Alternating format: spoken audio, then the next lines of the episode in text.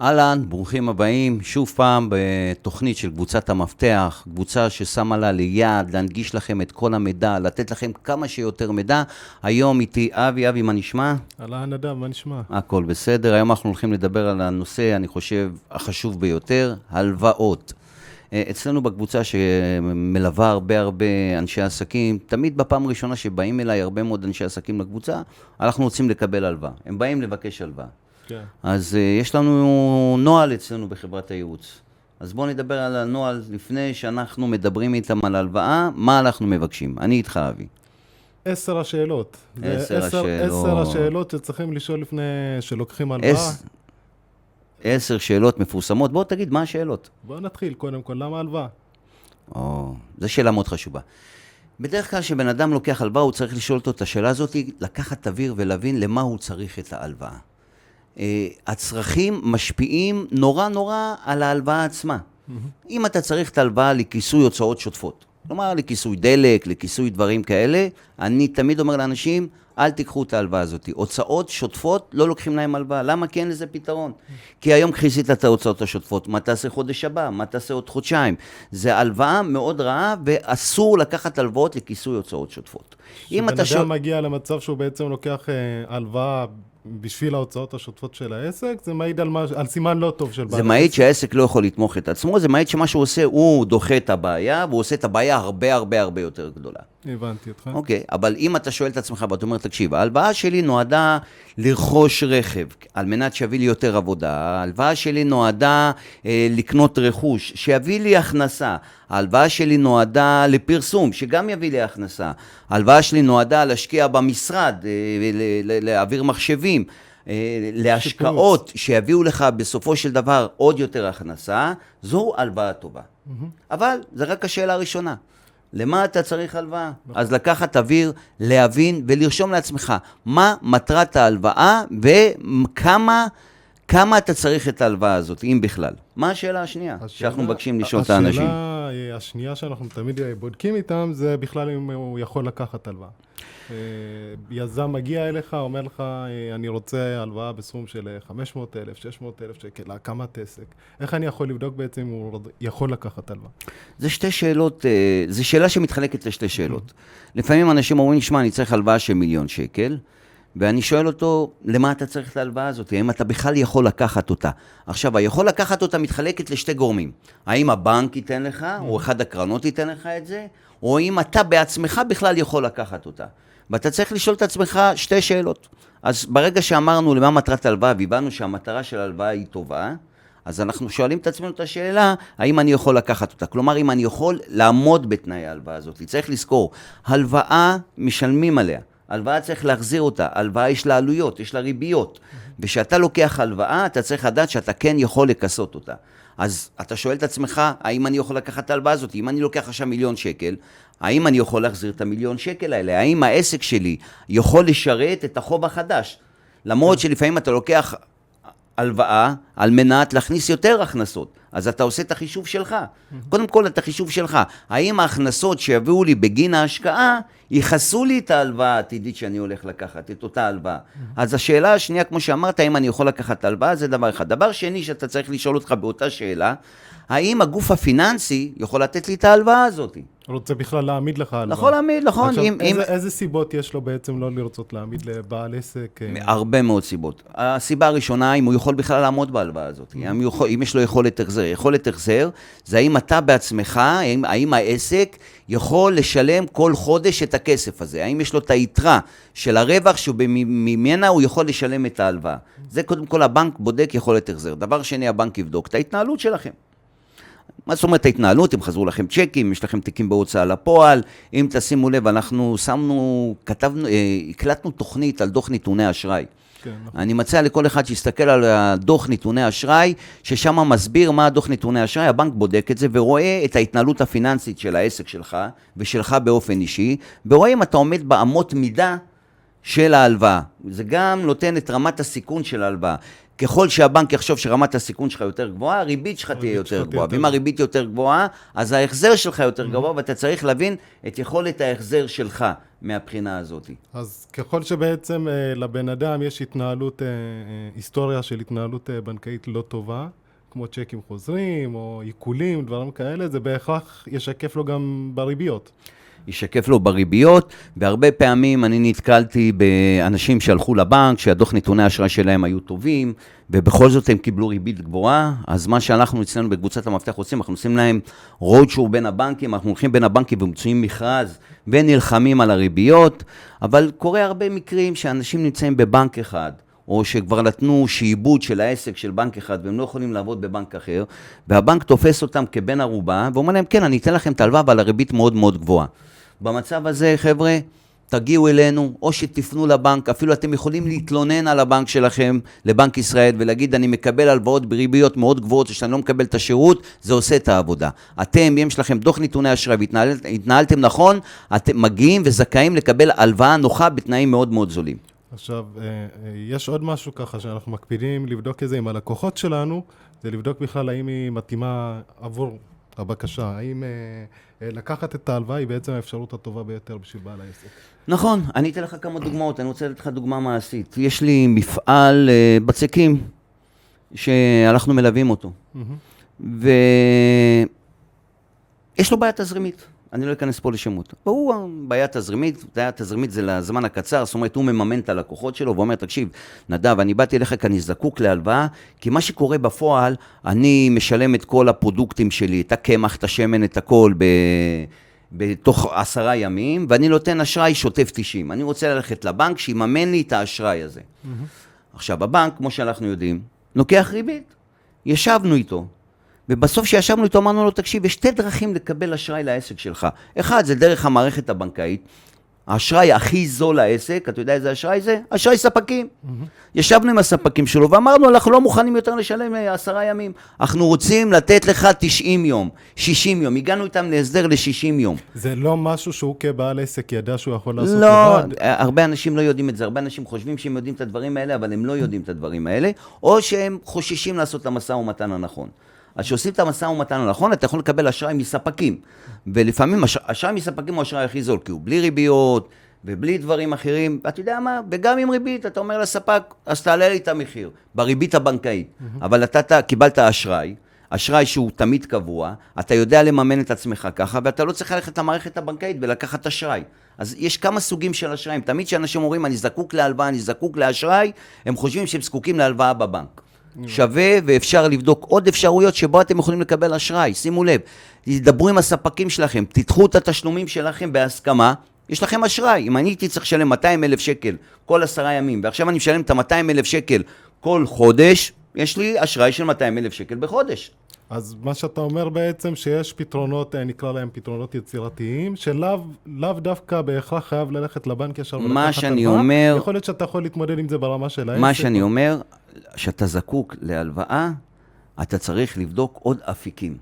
אחד, זה אשראי ספקים, שתיים, זה קרנות. יש הרבה קרנות שהיום נותנות הלוואות, ויש לנו תוכנית על הקרנות, ואני ממליץ לכולם להבין, לראות את התוכנית, מסבירים, אנחנו מסבירים שם על כל קרן וקרן, שיש לך קרנות שנותנות הלוואות יותר זולות מהבנק, עם ביטחונות מאוד נמוכים, כמו קרן עוגן למשל. קרן עוגן נותנת הלוואה הרבה יותר זולה מהבנק בלי ביטחונות. או יש קרנות שאומרות עם ערב, תביא לי ערב. ותקבל הלוואה מאוד מאוד זולה, שווה לבדוק את כל השוק, שווה לבדוק את כל המערכת הפיננסית, אה, נכנסים עכשיו הרבה הרבה נותני שירותים, אז שווה לעשות סקר שוק ולהבין מאיפה כדאי לעשות את ההלוואה הזאת, ומאיפה אפשר לקבל את ה- את ה- את ההלוואה הכספית שאתה צריך. לא, יש משהו שאני יודע שאתה באופן אישי פחות אוהב אה, אה, אה, לעבוד בשיטה הזאת, אבל יש לנו הרבה יזמים, אה, הרבה בעלי עסקים שנכנסים אה, לקבוצה ואומרים, אני צריך הלוואה בסכום של X. אוקיי. איך בעצם היזם יודע לאיזה סכום הוא זקוק ולאיזה תקופה לעשות את הפריסת תשלומים? או, שאלה טובה ואני אשמח לענות עליה. תסתכלו על התוכנית שלנו שעשינו על תוכנית עסקית. אתה רוצה לקחת הלוואה, אתה צריך לעבוד לפי תוכנית עסקית של העסק. קודם כל, כל אחד חייב להכין תמיד תוכנית עסקית של העסק, לא רק לגיוס הלוואות, אלא לניהול הנכון של העסק. נכון. ושיש לך את התוכנית העסקית, ואתה מבין מה מטרת ההלוואה, לכמה זמן אתה צריך את ההלוואה, ואתה יודע לנתח בתוכנית העסקית כמה כסף אתה תקבל בהשקעה הזאת, אז אתה יכול להבין את התשובה הזאת באופן ברור. כמה זמן ההלוואה. לא, אבל יש ל- הרבה כאלה שנותנים לך תשובות, בטח אתה מכיר את זה גם עם לקוחות, שהוא אומר, אה, אני צריך, אני צריך 200 אלף. מה אתה הולך לעשות עם ה-200 אלף? למה זה משמש אותך? זו השאלה הראשונה שאני אה, שואל. צריך את זה. אני צריך להתנהלות היומיומית, זה לא. זורק לך סתם סכום באוויר. אז אנחנו לא מגייסים לאחד כזה כסף. אנחנו- כן, אבל השאלה איך הוא אמור לזהות, באמת מה הצורך אם האמיתי שלו. אתה לא יודע מה מטרת ההלוואה, אל תיקח הלוואה. אם אתה לא יודע מטרת הלוואה, אתה לא צריך לקחת הלוואה, נקודה. אין על זה דיבורים וחבל להרחיב על זה. בן אדם שלא יודע למה, אני צריך 200 אלף שקל למה שישכב לי בבנק. כל מטרת הלוואה צריך לפענח אותה, להבין אותה, להבין את הצרכים של ההלוואה הזאת, ולהבין למה אני לוקח אותה ואיך אני הולך להחזיר אותה. אם אתה לא יודע את התשובה הזאת, אין לך מה לקחת הלוואה. אל תיכנס אה, לתהליך לפני שאתה יודע למה זה הולך לשמש אמת, את זה אמת, כבעל עסק. אמת. שאלה הבאה, והוא יכול לדעת בעצם כמה תעלה לו הלוואה בסוף התקופה. אה, זאת השאלה? כן. האם אני, בטח. כשאתה לוקח הלוואה, אתה, מחתימים אותך על מסמכים.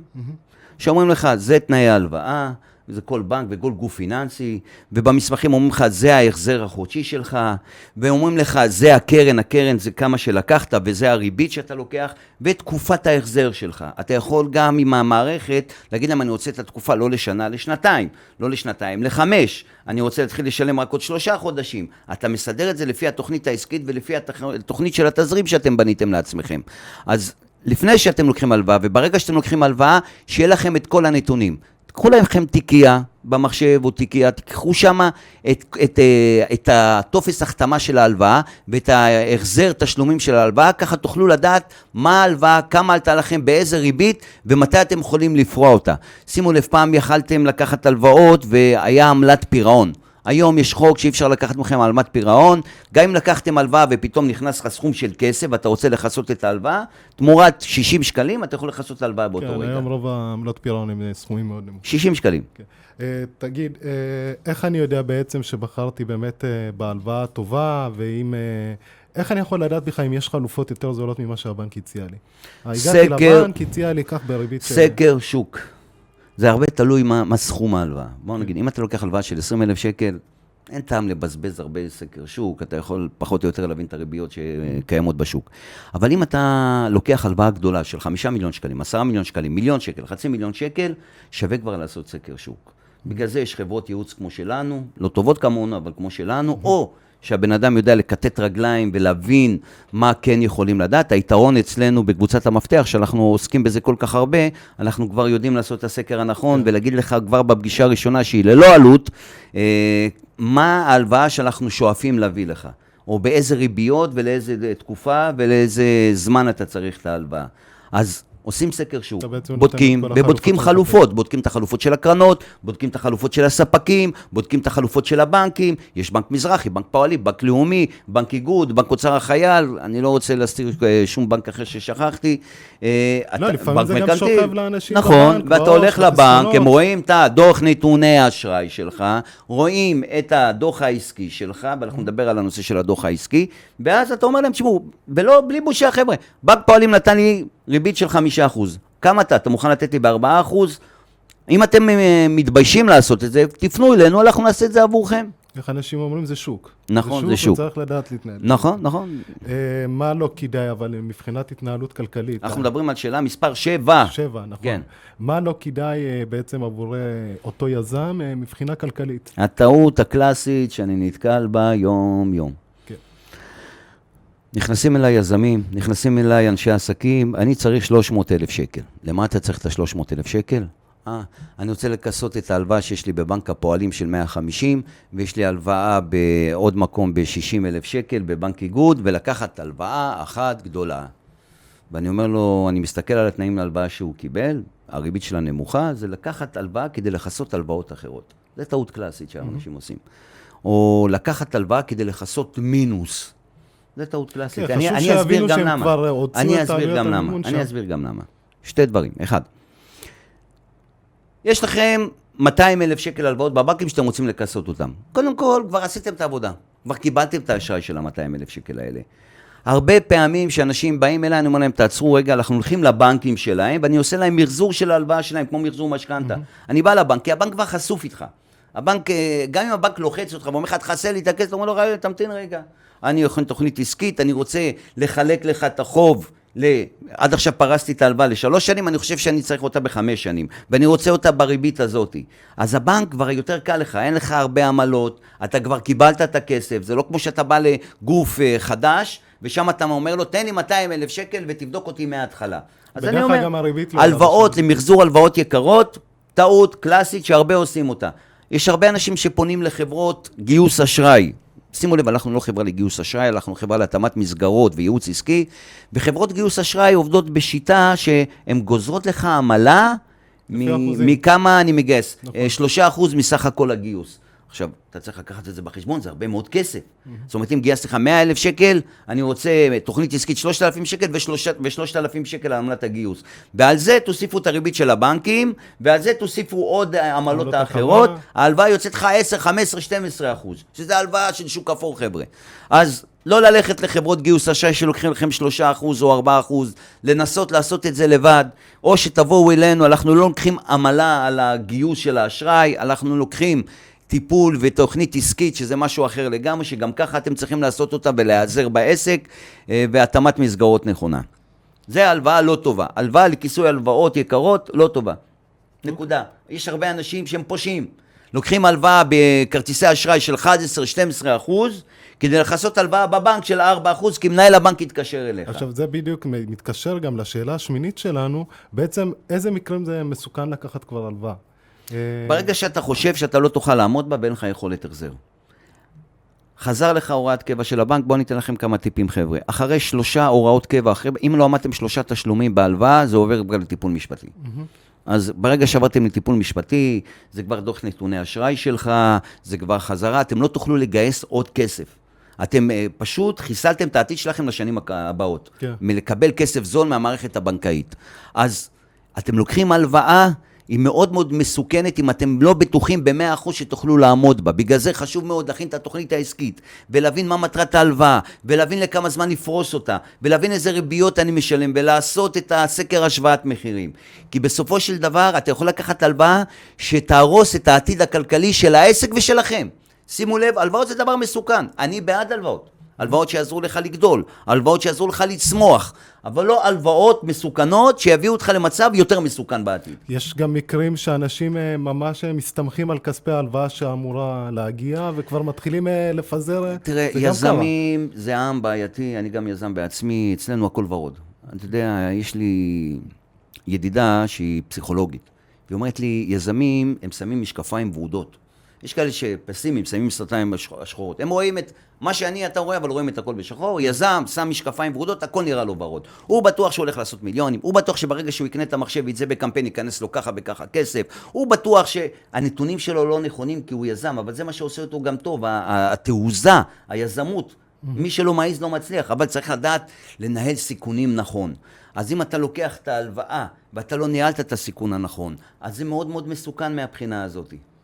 צריך לדעת לתכנן את זה בצ- בצורה לת- טובה ולא לעשות... אה, אמת, אמת, ש- אמת. בעולם שיש בו הרבה משתנים, כמו הקורונה, כמו תקופה שפתאום יש סגר, כמו תקופה שפתאום, יש הרבה אנשים לוקחים בחשבון חגים במדינת ישראל, אה, חופשים, אה, בעיות אישיות שיכולות לקרות. צריך לקחת את כל המשתנים בחשבון. עכשיו, ש... השאלה שתמיד אנחנו מנסים אה, להסביר ללקוחות, זה עניין של הזכויות שלהם בעצם, זכויות אה, לקבלת מידע מהבנקים.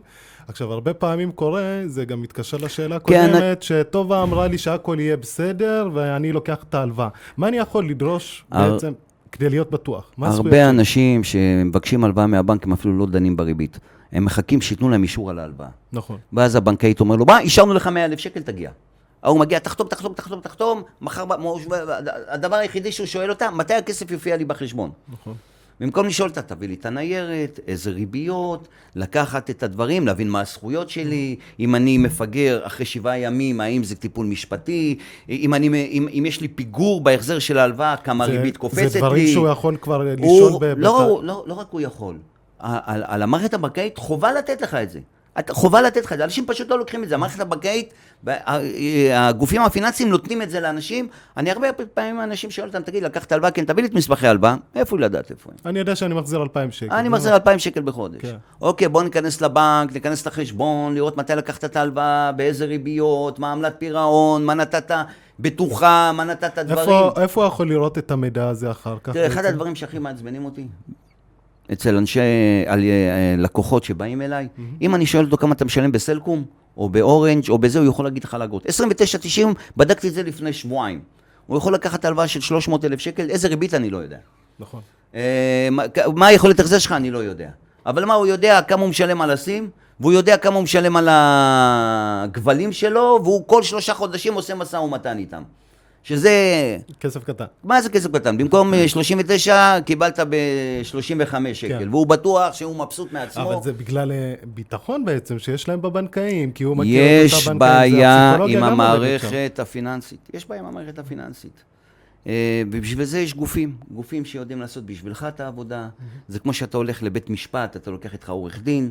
אה, היום כשאתה הולך למערכת הפיננסית ואתה רוצה לקחת הלוואה, יש גופים כמו שלנו, שאנחנו יודעים ללוות את העסק, ואנחנו פשוט מייצגים אותו, ואני תמיד אומר לאנשים, שימו לב, קבוצת המפתח, בתוכנית העסקית שימו אותנו בחיסכון, כי אנחנו פה כדי לחסוך לכם כסף. אנחנו לא הוצאה, אנחנו חיסכון. אז יש גופים שיודעים לחסוך לך ולהביא לך את הריבית הטובה ביותר, ולא רק זה, להגיד לך בכלל אם לקחת הלוואה או לא. כן. ומאיפה לקחת הלוואה? אנשים באים אליי ואני אומר להם, עזבו, אני פותר לכם את הבעיה של ה-200 אלף שקל דרך הספקים. מה מגיע לך? לא מגיע לי כלום. לא גייסתי לכם כסף, נתתי לכם עצה, בפגישה הראשונה אני עושה להם את זה. כן. תבואו לפגישה, לפעמים יש פתרונות חבר'ה ללא עלות. שעה, שעתיים איתנו, אנחנו נותנים לכם פתרונות. הפגישה תמיד היא חינם וללא עלות. אה, מה קורה בעצם אה, ליזם שהוא מגיע לאיזה משבר כלכלי? על זה אני יכול לעשות תוכנית של שעתיים, אבל אני אענה את זה בכמה רגעים. לא, אנחנו, אה, בעולם של ההלוואות, אני מתכוון, אה, נניח עכשיו אה, נק- נקלעת למשבר כלכלי, והבנק אומר לך, לא, אני לא מאשר לך הלוואה. או- שנקלעת למשבר כלכלי, לקחת הלוואה ואתה לא עומד לא- ביכולת ואתה לא החזר. יכול להחזיר את זה. נכון, זה גם אה, משבר כלכלי. או שהסתמכת על איזה סכום שהיה צריך להיכנס בהלוואה, ופתאום הוא לא נכנס. בדיוק. איך אנחנו מתמודדים עם זה? לשתף. את מי? את כולם. את הבנקים? את כולם. לבוא ולהגיד, חבר'ה, יהיה לי את קשה? כולם. לבוא לבנק, להגיד לו, תקשיב, חשבתי א', ב', ג', ד', המציאות הוכיחה לי אחרת. בוא תראה לי איך אני פותר איתך ביחד את הבעיה. אז בוא תפרוס לי את זה, ת- תן לי גרייס, תן לי רק עוד שלושה חודשים לשלם. לשתף על ההתחלה, לא לחכות שהבנק יתקשר, ואז מגיע לעורך דין, לא, יש והבנק אנשים אומר לך... שמתחמקים אפילו. כן, ולא עונים לטלפונים של הבנק, ואז אתה מקבל מכתב מעורך דין, ואתה מתקשר לבנק, תשמעו, בואו נסתדר איתכם, אומרים לך, תשמע, זה לא בטיפול שלנו, זה כבר בטיפול של כן, עורך דין, וזה פוגע בדוח נתוני אשראי, לשתף, להגיע אלינו. תבואו אלינו, ואם לא אלינו, לכו לבנק. תשתפו, תגידו לו, נכנסתי לבעיה, אין לי כרגע כסף. אין לי כרגע כסף. בואו נראה מה אנחנו יכולים לעשות. תנו לי שלושה חודשים, אחר כך תפרסו לי את זה. הבנק אמר לך לא? אל תתביישו, תפנו במכתב להנהלה של הבנק. ההנהלה של הבנק אמרה לכם לא? אל תתביישו. תפנו לבנק ישראל, תכתבו מכתב, נכנסתי לקשיים, אני מבקש לפרוס את זה. אני לא רוצה להגיע לאי נעימויות, לעורכי דין, להוצאות שלא חשוב לא שווה להבין לי. שגם מהצד השני לאינטרס של הבנק יש ה- אינטרס הבנק יש. לו רק אינטרס אחד, לקבל חזרה את הכסף אין לו. אינטרס לשים לך עורכי דין, אין לו אינטרס ללכת להליך גבייה, אין לו את האינטרס. אבל אם הבנק או אם המערכת הפיננסית תראה שאתה כן משתף פעולה, אתה כן באת והסברת, תקשיבו חבר'ה, אני, אני מכיר עסקים שעשו עבודה, לא קיבלו את הכסף. לא קיבלו את הכסף, צד שלישי דפק אותם. הם לא יכולים לשלם לבנק. אתה בא לבנק, אתה מסביר לו, אתה בא עם טובה, מכין תוכנית עסקית חדשה, ואתה אומר לו, ככה אני רוצה להתמודד עם המשבר.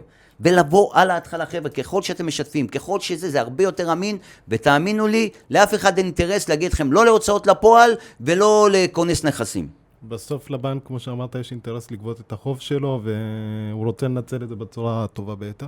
אה, זהו, זה עשר השאלות שאנחנו בדרך אז כלל בוא שואלים נסכם יזמים. ונגיד את השאלות מההתחלה, ברשותך. בבקשה. אני אקריא אותן. שאלה ראשונה, למה ההלוואה? שאלה שנייה, האם אני יכול לקחת את ההלוואה? שאלה שלוש, האם ההלוואה היא האפשרות הטובה ביותר עבורי? תזכרו שיש הרבה תשובות לשאלה הזאת. האם אני זקוק להלוואה של הארבע? האם אני יודע כמה תעלה לי ההלוואה לעסק? האם בחרתי בחוכמת ההלוואה הנכונה? ומה כדאי לי מבחינה כלכלית? מה עלול להיות מסוכן עבורי בהלוואה הזאת? האם אני מכיר את זכויותיי? ומה אני עושה אם נקלעתי לקשיים? כל עסק שלוקח הלוואה חייב לשאול את עצמו את עשר השאלות האלה. אני תמיד ממליץ, בואו לאנשי מקצוע, אתם מוזמנים אלינו לקבוצת המפתח, לפגישה ללא עלות. אנחנו פה על מנת להנגיש לכם מידע, אתם יכולים להתקשר אלינו בטלפון, אנחנו עונים לאנשים בטלפון ונותנים להם פתרונות מיידיים, כמובן זה גם ללא עלות. כל שאלה שיש לכם פה, אנחנו פה, גם אני וגם אבי, מזמינים לעזור. אתכם. אבי, מה התוכנית הבאה שאנחנו נדבר עליה, אתה יודע? מודיעין עסקי? מודיעין עסקי, אתה יודע למה? קיבלנו כל כך הרבה פניות מלקוחות שלנו ששומעים את התוכניות שלנו, ואני כל הזמן אומר, אה, לפני תוכנית עסקית, לאסוף נתונים, לאסוף נתונים, לאסוף נתונים, ככה תדעו את זה. ואז אנשים פנו ואמרו לי, מה אתה רוצה מאיתנו? איך אוספים? נתונים? בוא, בוא תסביר לנו איך אוספים נתונים. נכון שלכם בקבוצה יש הרבה מאוד נתונים, איך אתם אוספים נתונים? אז אני אומר להם, מודיעין עסקי. אז היום אנחנו נעשה, השבוע אנחנו נעשה תוכנית על מודיעין עסקי, שבו תבינו איך אתם אוספים נתונים, גם אם יש לכם עסק, ובייחוד בייחוד אם אתם רוצים במיוחד- לפתוח עסק חדש. תודה שהייתם חדש. איתנו, ואנחנו שמחים שהקשבתם לנו. תודה רבה.